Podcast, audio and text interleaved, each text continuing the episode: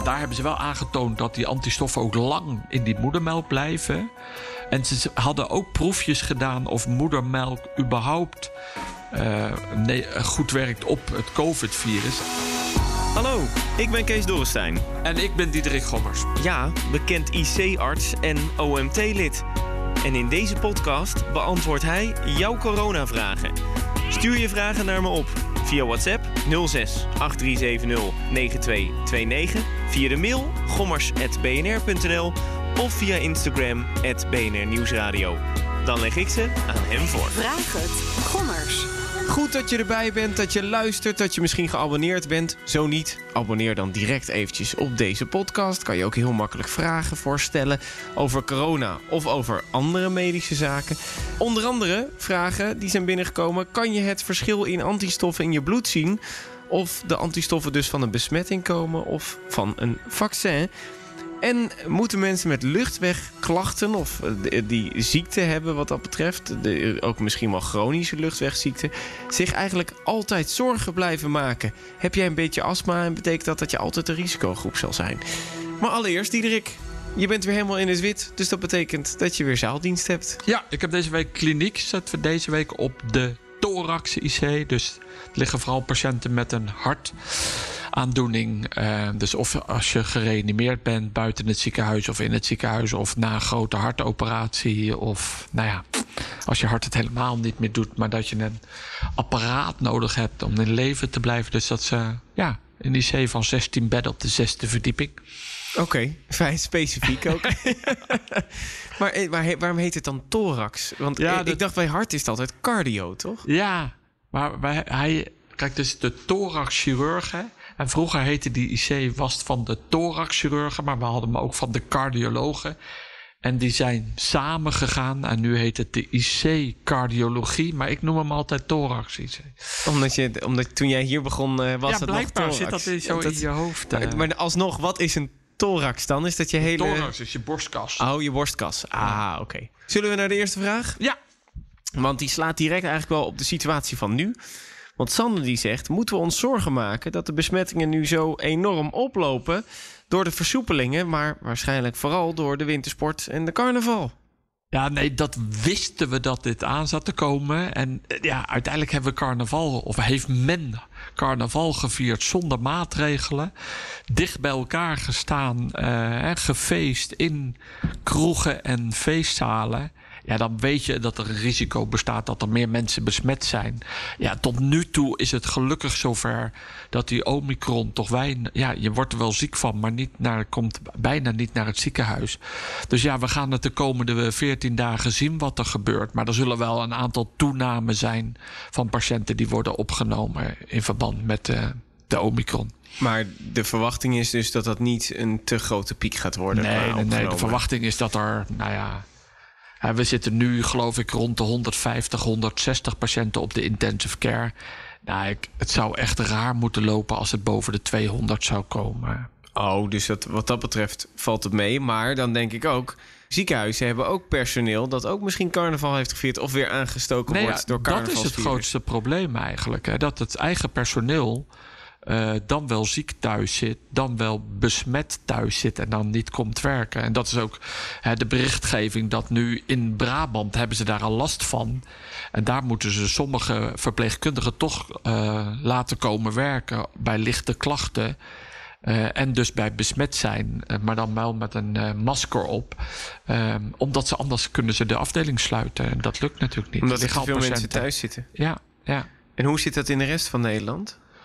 Nou, dat, ik heb er niet precies een overzicht, maar ik heb nu geen berichten gekregen dat dat in andere gebieden uh, van Nederland een probleem is. Tuurlijk hebben we een hoger ziekteverzuim, dat hebben we ook al langer. Er zijn ook mensen, verpleegkundigen met long-covid, dus dat heb je ook al last van.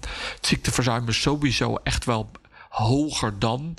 Maar bij ons zit het zo 12% 13% En afhankelijk van sommige afdelingen rond de 10% Dat is echt wel hoger dan we gewoon gewend zijn.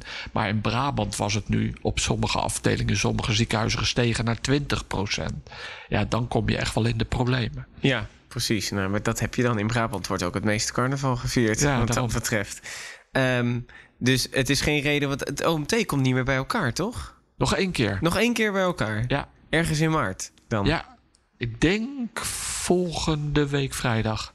Oh, Maar dat weet ik niet zeker. Maar ik denk volgens mij is er dan ergens ook weer een persconferentie over de laatste versoepelingen nog. ja, dat, dat, eh, dat alles, eh, of in ieder geval dat 1G er misschien afgaat dan. Of de- ik weet het eigenlijk ook niet, maar Nee, het is nu echt lastig, hè? Want wij dragen hier in het ziekenhuis nog gewoon maskers voor alles. Dus als zodra je hier in het ziekenhuis bent, moet je je masker op. ja, ook in de trein ben je hem gewoon eh. vergeten. Ik bedoel, en dan denk je, shit, eh, waar is mijn masker? Ja, maar dat komt omdat hij nergens anders behalve in Ja. het openbaar vervoer nog nodig Ja, is. dus Natuurlijk. het, het maakt het ook. Nou ja, goed.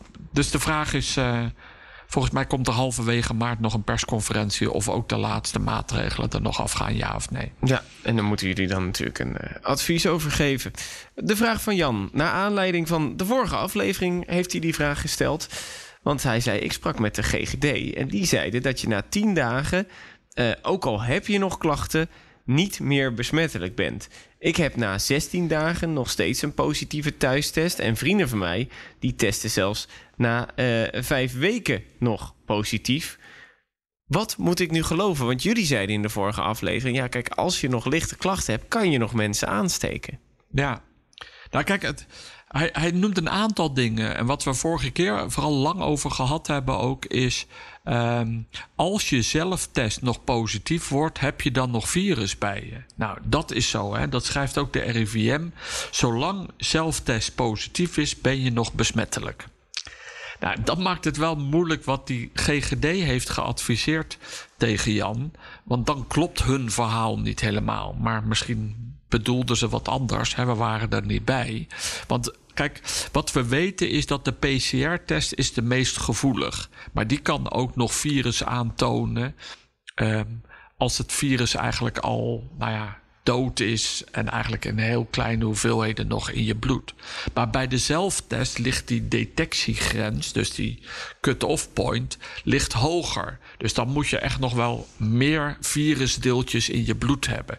Dus we zeggen altijd bij de zelftest, nou die kan nog als je hè, in het begin van je ziekte kan je nog te weinig virus hebben en is de zelftest nog negatief, maar dan wordt die eventueel wel positief met een PCR-test. Maar als je al ziek geweest bent en de zelftest is nog positief, dan heb je nog best wel virus in je bloed zitten. En ja, dus dan kan je dus ook, als je daarna hoest of praat of zingt of hè, hoest in je hand en je geeft iemand een hand, ja, dan kan je dus nog echt wel eh, virus overdragen. Dus Dus, dus de GGD heeft het fout eigenlijk. ja, in dit geval wel. Wat ze, eh, de GGD-medewerker, die, wat hij tegen Jan heeft gezegd, eh, tegen onze luisteraar.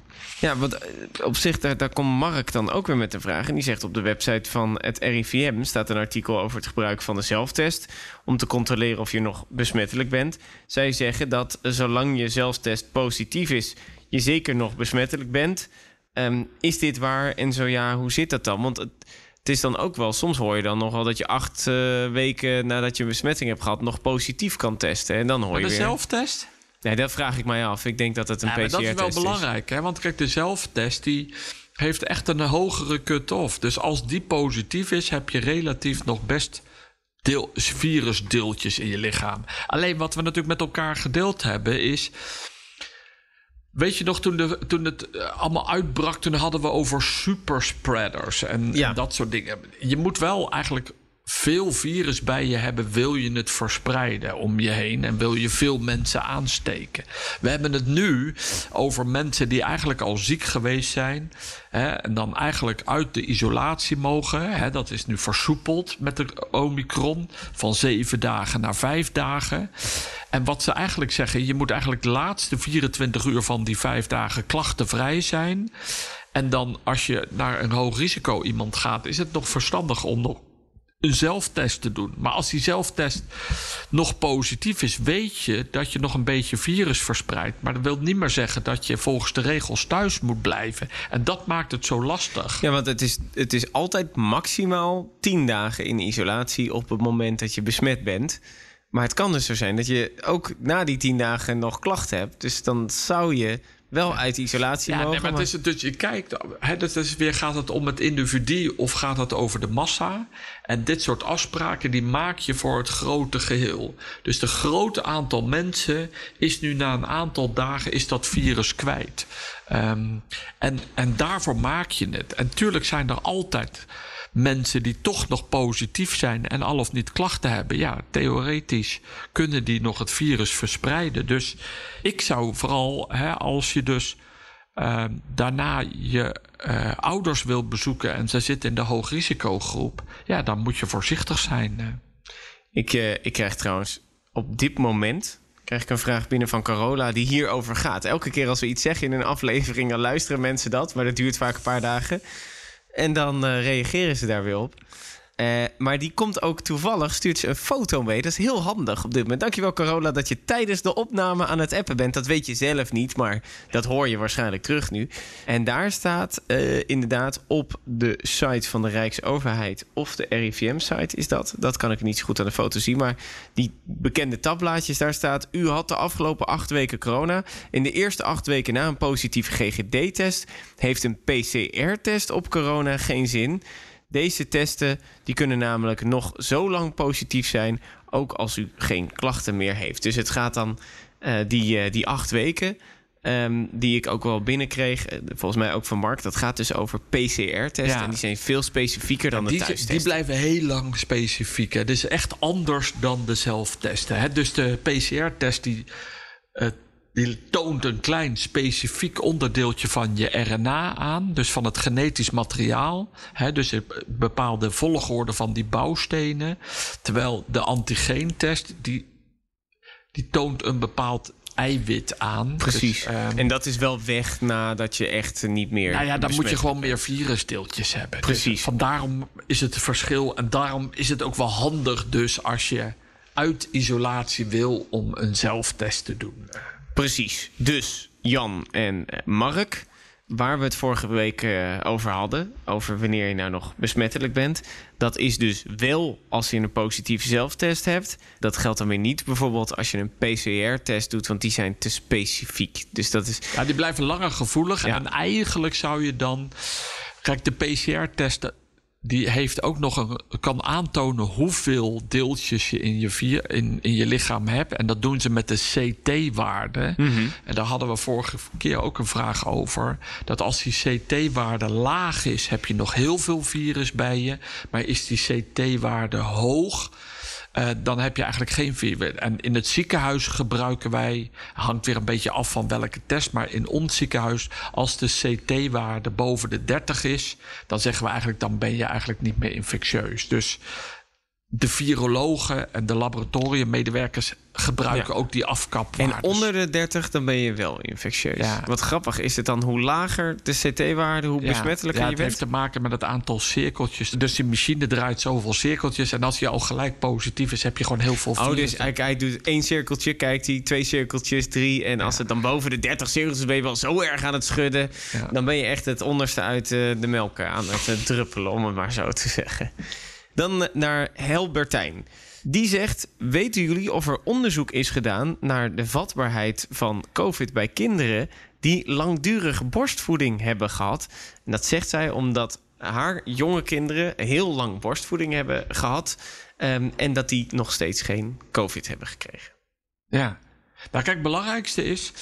Um, je kunt het coronavirus niet overbrengen van moeder via de borstmelk naar kinderen. Er komt bijna geen coronavirus voor in moedermelk. Dat hebben ze aangetoond. Nee, maar het is wel zo dat ze vraagt dit vooral of als je moedermelk geeft, of je kinderen dan beter beschermd zijn. Ja, nou, daar wilde ik naartoe. Je draagt wel je antistoffen over. Dus als moeder ofwel gevaccineerd is en ze heeft antistoffen, ofwel ze heeft zelf het virus doorgemaakt. Uh, en ze heeft daarop antistoffen, dan geef je wel die goede antistoffen door via je moedermelk aan je kind.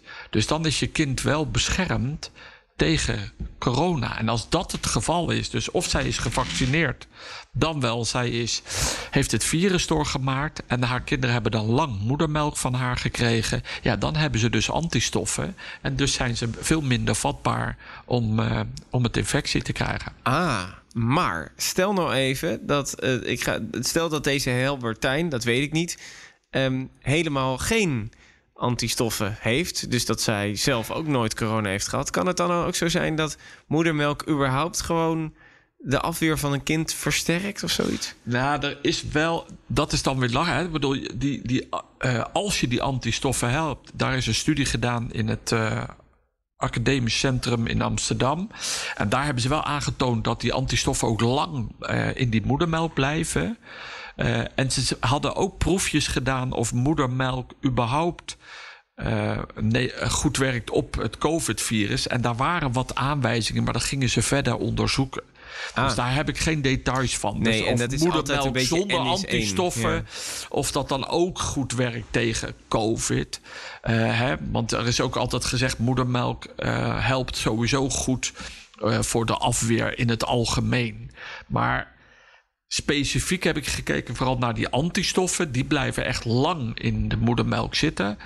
Um, of de moedermelk uh, echt tegen het virus aan zich zonder antistoffen, daar werd verder onderzoek naar gedaan. Precies. Dus uh, Helbertijn, als jij bent gevaccineerd of je hebt corona gehad en daardoor antistoffen aangemaakt, geef je die door. Um, wat betreft dat je überhaupt gewoon goed beschermd bent als kind als je heel lang moedermelk hebt gehad, dat wordt nog verder onderzocht. Want één onderzoek is in de wetenschap eigenlijk geen onderzoek. Hè? Dat moet altijd ja. gecheckt worden. Dan Frederik, die zegt er is een nieuw onderzoek gepubliceerd. Daar heeft de Volkskrant onder andere over geschreven. Wat toch wel duidelijk zou maken dat het coronavirus van een vleesmarkt in Wuhan komt. Kan je daar wat meer over vertellen? Ja, ik heb het artikel. Ik heb ook alleen maar het artikel gelezen in de Volkskrant. Maar wel indrukwekkend weer. Hoe je allerlei plaatjes, foto's bij elkaar brengt. En uiteindelijk dan weer. Ja, virus, uh, dus die eerste infecties hebben ze dan in kaart gebracht. En dan komen ze, hè, want die Wuhan, die, um, die, uh, die versmarkt, dat is dan 33 kilometer van dat laboratorium wat we verdachten, hè, of het daar ontstaan was. Maar dat, die, die versmarkt, die bestaat al heel lang. Dat is een hele grote markt. En dan bleken er toch weer oude foto's te zijn door bijvoorbeeld dierenactivisten. Die hadden aangetoond dat in een gedeelte van die markt... dat daar levende beesten werden verhandeld. Ja, China ontkent dat, maar... ja, geval, maar er waren nu echt foto's van vijf jaar geleden en dergelijke. Maar ze konden ook die locatie. En die locatie die kwam overeen met ook de hotspots... van de eerste uitbraken in die markt. En nu hebben ze ook nog materialen die in dat gebied gebruikt worden om ja, als die beesten zijn overleden, om dan de huid eraf te halen of de veren te plukken. Nou ja, allerlei speciale apparatuur om die beesten, zeg maar, consumptie klaar te maken. Daar zat ook weer uh, het virus op. Nou ja, het is een vrij groot onderzoek, maar met, met verschillende Canadese onderzoekers, maar met, met materialen van het internet, van, met foto's en dingen bij elkaar brengen. Ja, klonk het wel heel aannemelijk. Maar dit is eigenlijk wel echt voer voor hè, de virologen en epidemiologen. Ja. Dus daar gaan we zeker nog meer van horen. Ja, en wat, wat ik vooral op, uh, opvallend vond, is dat zij hebben gekeken naar uh, ook, ook volgens mij warmtefoto's waar je dan uh, virus-hotspots op kon zien. En toen zeiden ze, en weet je waarom het niet in dat lab uiteindelijk dat het daar uitgekomen zou zijn? Omdat die aan de andere kant van het water was. Ja, ik weet niet precies wat voor foto's het waren, maar ja. je zag die viruspuntjes juist aan de ene kant van het water en niet aan de andere kant van het water waar dat lab dus zat. Ja, en dan schrijven ze ook hè, dat het ook heel belangrijk was dat het over uh, handel ging in levende beesten. En dan speciale beesten die dan dicht hè, tegen de zoogdieren, tegen de mensen aanzitten.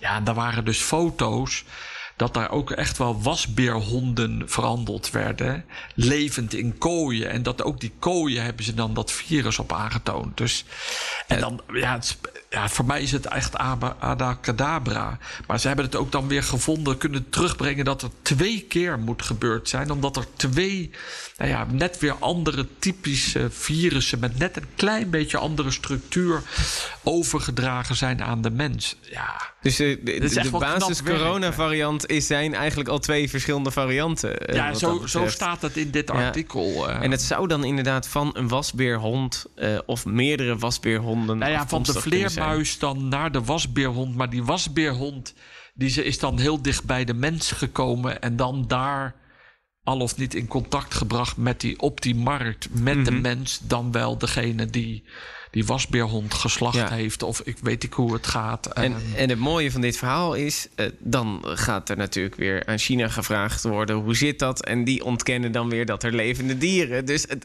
het lastige is, ik vraag me af of we het ooit precies zullen weten, omdat we nooit echt de specifieke medewerking vanuit China Nou, wat krijgen. ik mooi vind tegenwoordig is, is dat je een soort hele detectives hebt van mensen die heel goed zijn met computers en foto's en dat soort dingen. En wat we hetzelfde wat we gezien hebben toen met die ehm, raket die die MH17 had neergehaald. Uiteindelijk wie het gedaan had en welk, eh, welk leger van de Russen en al of niet. Dat is uiteindelijk uitgevonden van, hoe heet die groepering ook alweer, die via het internet al die foto's analyseert, al die Ehm. dingen bij elkaar brengt. Uiteindelijk is het. Is die samenwerking eh, heeft, dat heeft dat geleid. En dat in dit onderzoek zie je dat ook. Dat, dat andere mensen die daar goed in zijn, allerlei foto's, dingen, eh, maps, de eerste data, dat bij elkaar brengt. Het zijn niet de klassieke onderzoekers, maar het zijn ook ja, eh, een samengaan, een samenwerking van verschillende mensen van verschillende disciplines. Eh, dat wel heel mooi. Eh, bedoel Ja, je? Dat ja, is dat Bellingcat. onderzoekscollectief Ja. inderdaad. En van Bellingcat naar wasbeerhond is dan weer erg een korte stap wat dat betreft. Wil je trouwens dit eh, artikel gewoon even lezen? Hij staat gewoon op de website van de Volkskrant. En Maarten Keulemans, die, dat is de, de wetenschapsredacteur, die, eh, die maakt ook mooie draadjes en dan legt hij het ook uit. Dus kijk dan even op zijn Twitter. Eh, want het zit weer achter een paywall. Eh, de titel van het stuk is Cruciaal nieuw spoor coronavirus naar de wasbeerhonden. Nou ja, en dan kom je er vanzelf al. Zo'n schattige beestjes, wasbeerhonden. Hebben wel er- erge ziektes, wat Ja. dat betreft. Dat blijkt dan weer.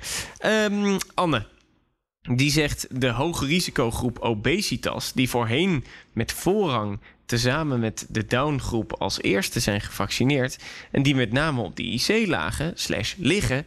komen in het laatste advies van de Gezondheidsraad... vreemd genoeg opeens niet meer in aanmerking voor een boosterprik. Hoezo niet?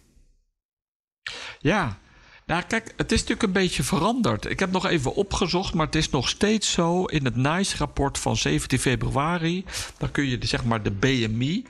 Eh, laten ze zien over die twee jaar of die dan verandert. Hè, dus of je een BMI boven de 25 hebt of boven de 30. Nou, boven de 30, dat is zo'n 40% van de IC-opnames heeft een BMI van boven de 30. En wat is een gezonde BMI? Onder de 25. Oké. Dus eigenlijk als je al boven de 25 zit, ik, ik heb 25,5. Dus ik heb net een iets te Oh, dik jee. buikje. Dus het is wel scherp hoor. Ik bedoel, ik vind mezelf... eh, Je vindt jezelf hartstikke fit.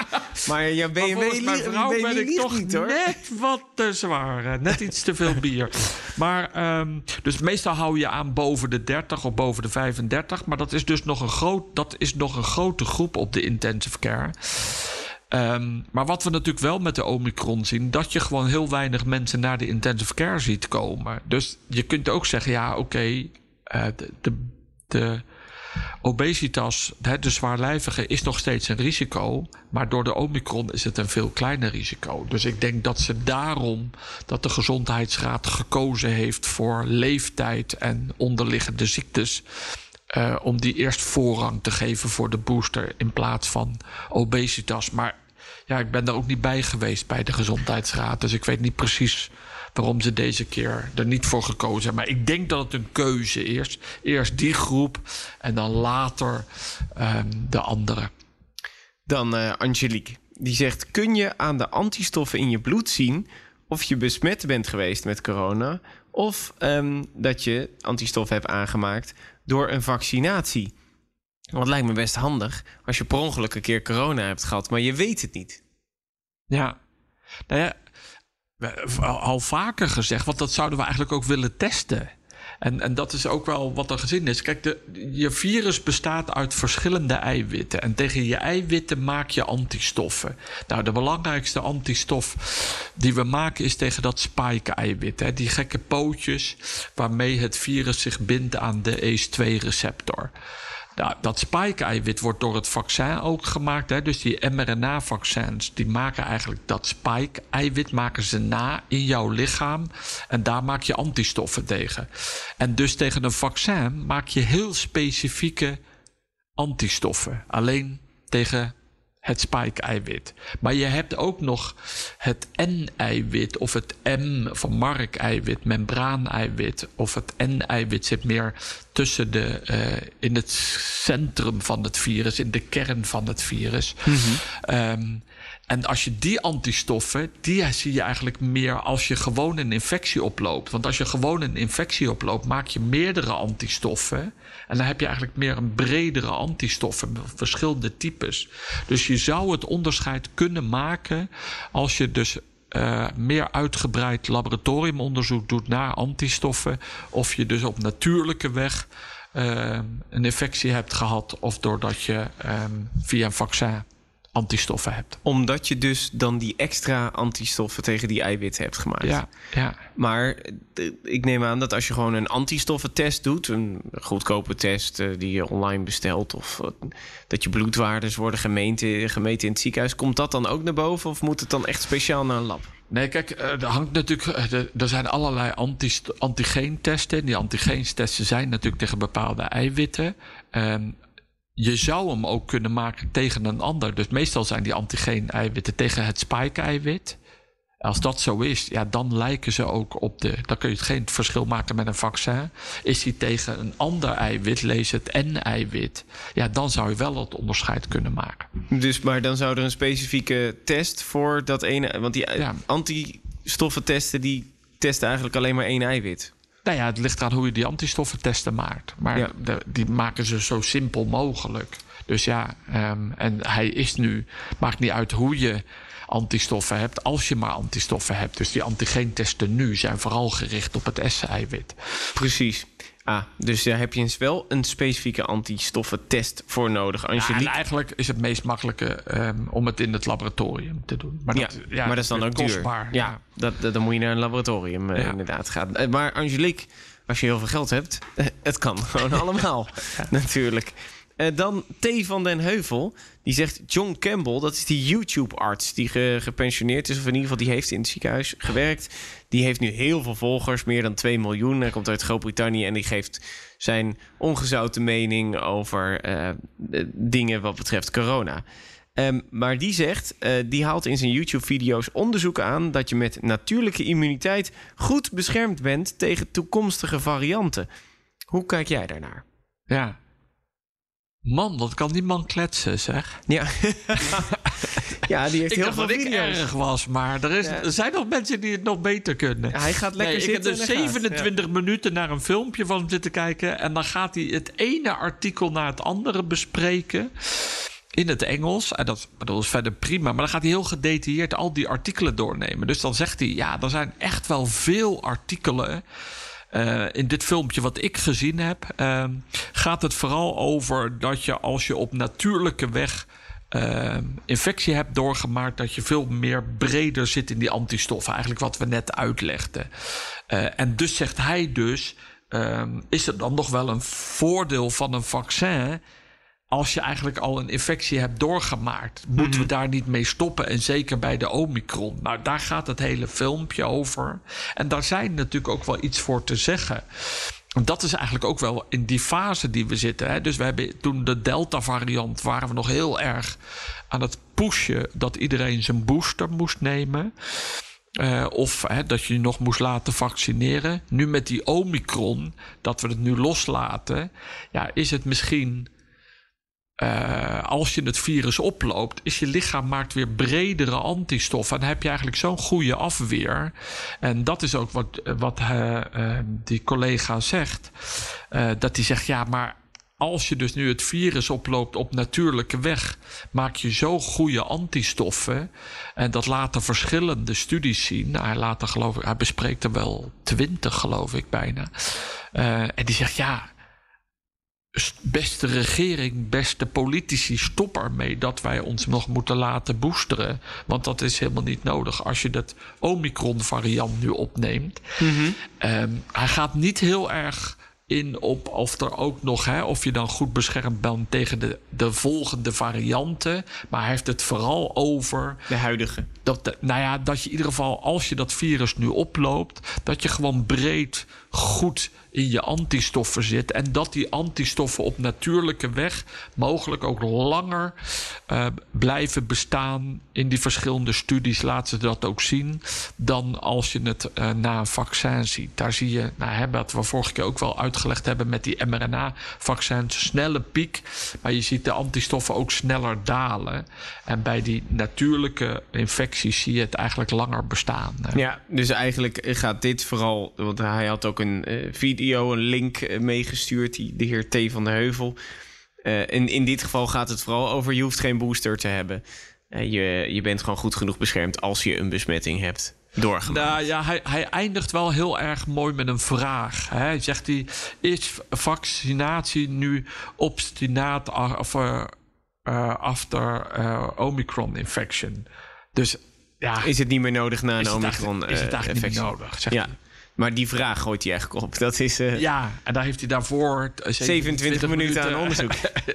en maar om dan vervolgens hij heeft het wel heel netjes die artikelen doorgenomen. Ja, nou, dat, is, dat is wat hij, uh, daar, daar staat hij bekend op. Dat hij vooral gewoon zegt: dit zijn de onderzoeken die er nu liggen. Ja. Daar kan je dit uit concluderen. Maar hij eindigt ook wel vaak met de vraag, inderdaad. Dus het. Ik, ik nou, denk dan altijd. ja. meer een oproep aan die politici. En dat zegt Ja. hij dan tussen neus en lippen nog. Ja, politici gaan niet over geneeskunde. Dus eh, laten we alsjeblieft stoppen ehm, met nog eh, mensen te laten vaccineren. Dan ehm, Marjolein, die zegt: Ik ben twee keer gevaccineerd. Ik heb ook mijn booster gehad. Toch heb ik wel last van chronische bronchitis. Ze geeft ook nog eens les op een basisschool. Dus vandaar dat ze een beetje nerveus is. Kan ik wel veilig op pad? Uh, of zijn mensen met luchtwegklachten, ook nog chronische luchtwegklachten, altijd een risicogroep? Ja, lastige vraag. Uh, uh, uh, want mensen met een chronische bronchitis, hè, dat chronische bronchitis is dan zijn bij diegene makkelijk de grote luchtwegen geïnfecteerd. En die, die cellen die daar zitten, die mucosacellen met die trilharen, die zijn dan vaak, nou ja, infectie. En daardoor krijg je trilharenfunctie werkt minder goed. En daardoor krijg je dat slijm niet goed weg. En is het vaak rood als je daar met een cameraatje in kijkt. Dus die mensen zijn gevoelig. En dat is eigenlijk ook je afweer. Hè? Die, die, die trilharen, maar ook die cellen van je luchtwegen... die zorgen, beschermen ook dat virusdeeltjes of bacteriën... niet zomaar je lichaam inkomen. Nou, het belangrijkste is natuurlijk is dat die booster... die beschermt goed. Maar hè, de, de booster, uh, als je ook volledig gevaccineerd bent... dan beschermt dat tegen 68% dat je zelf geen uh, infectie krijgt... Maar 68% is geen 100%.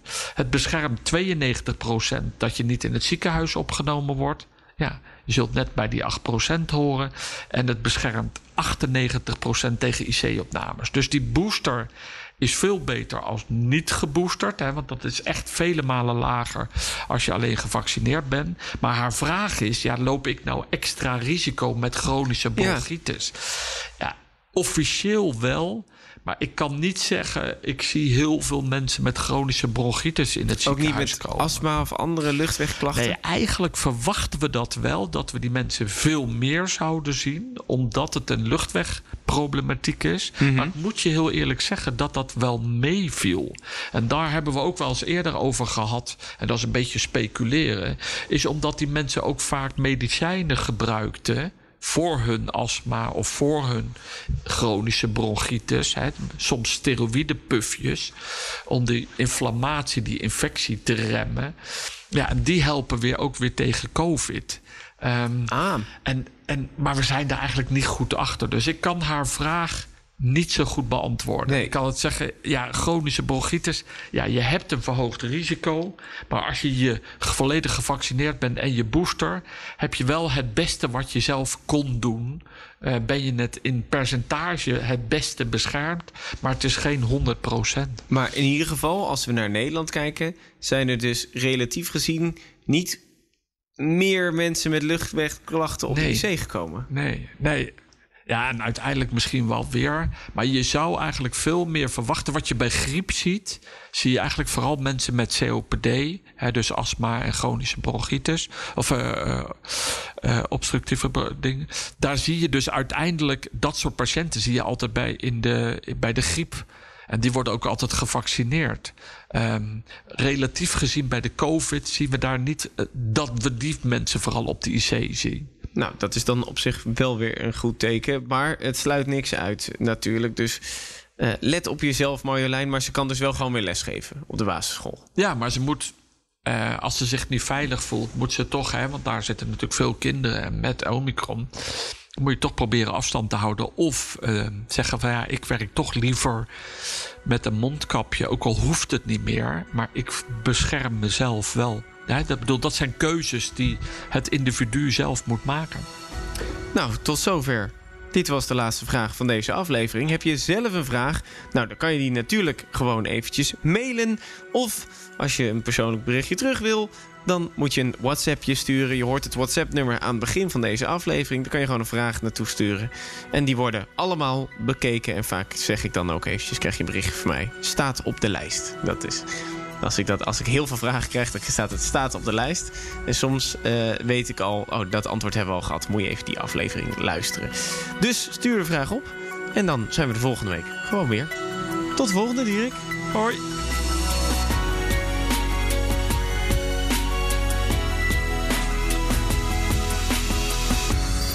Vraag het. Gommers. Gommers.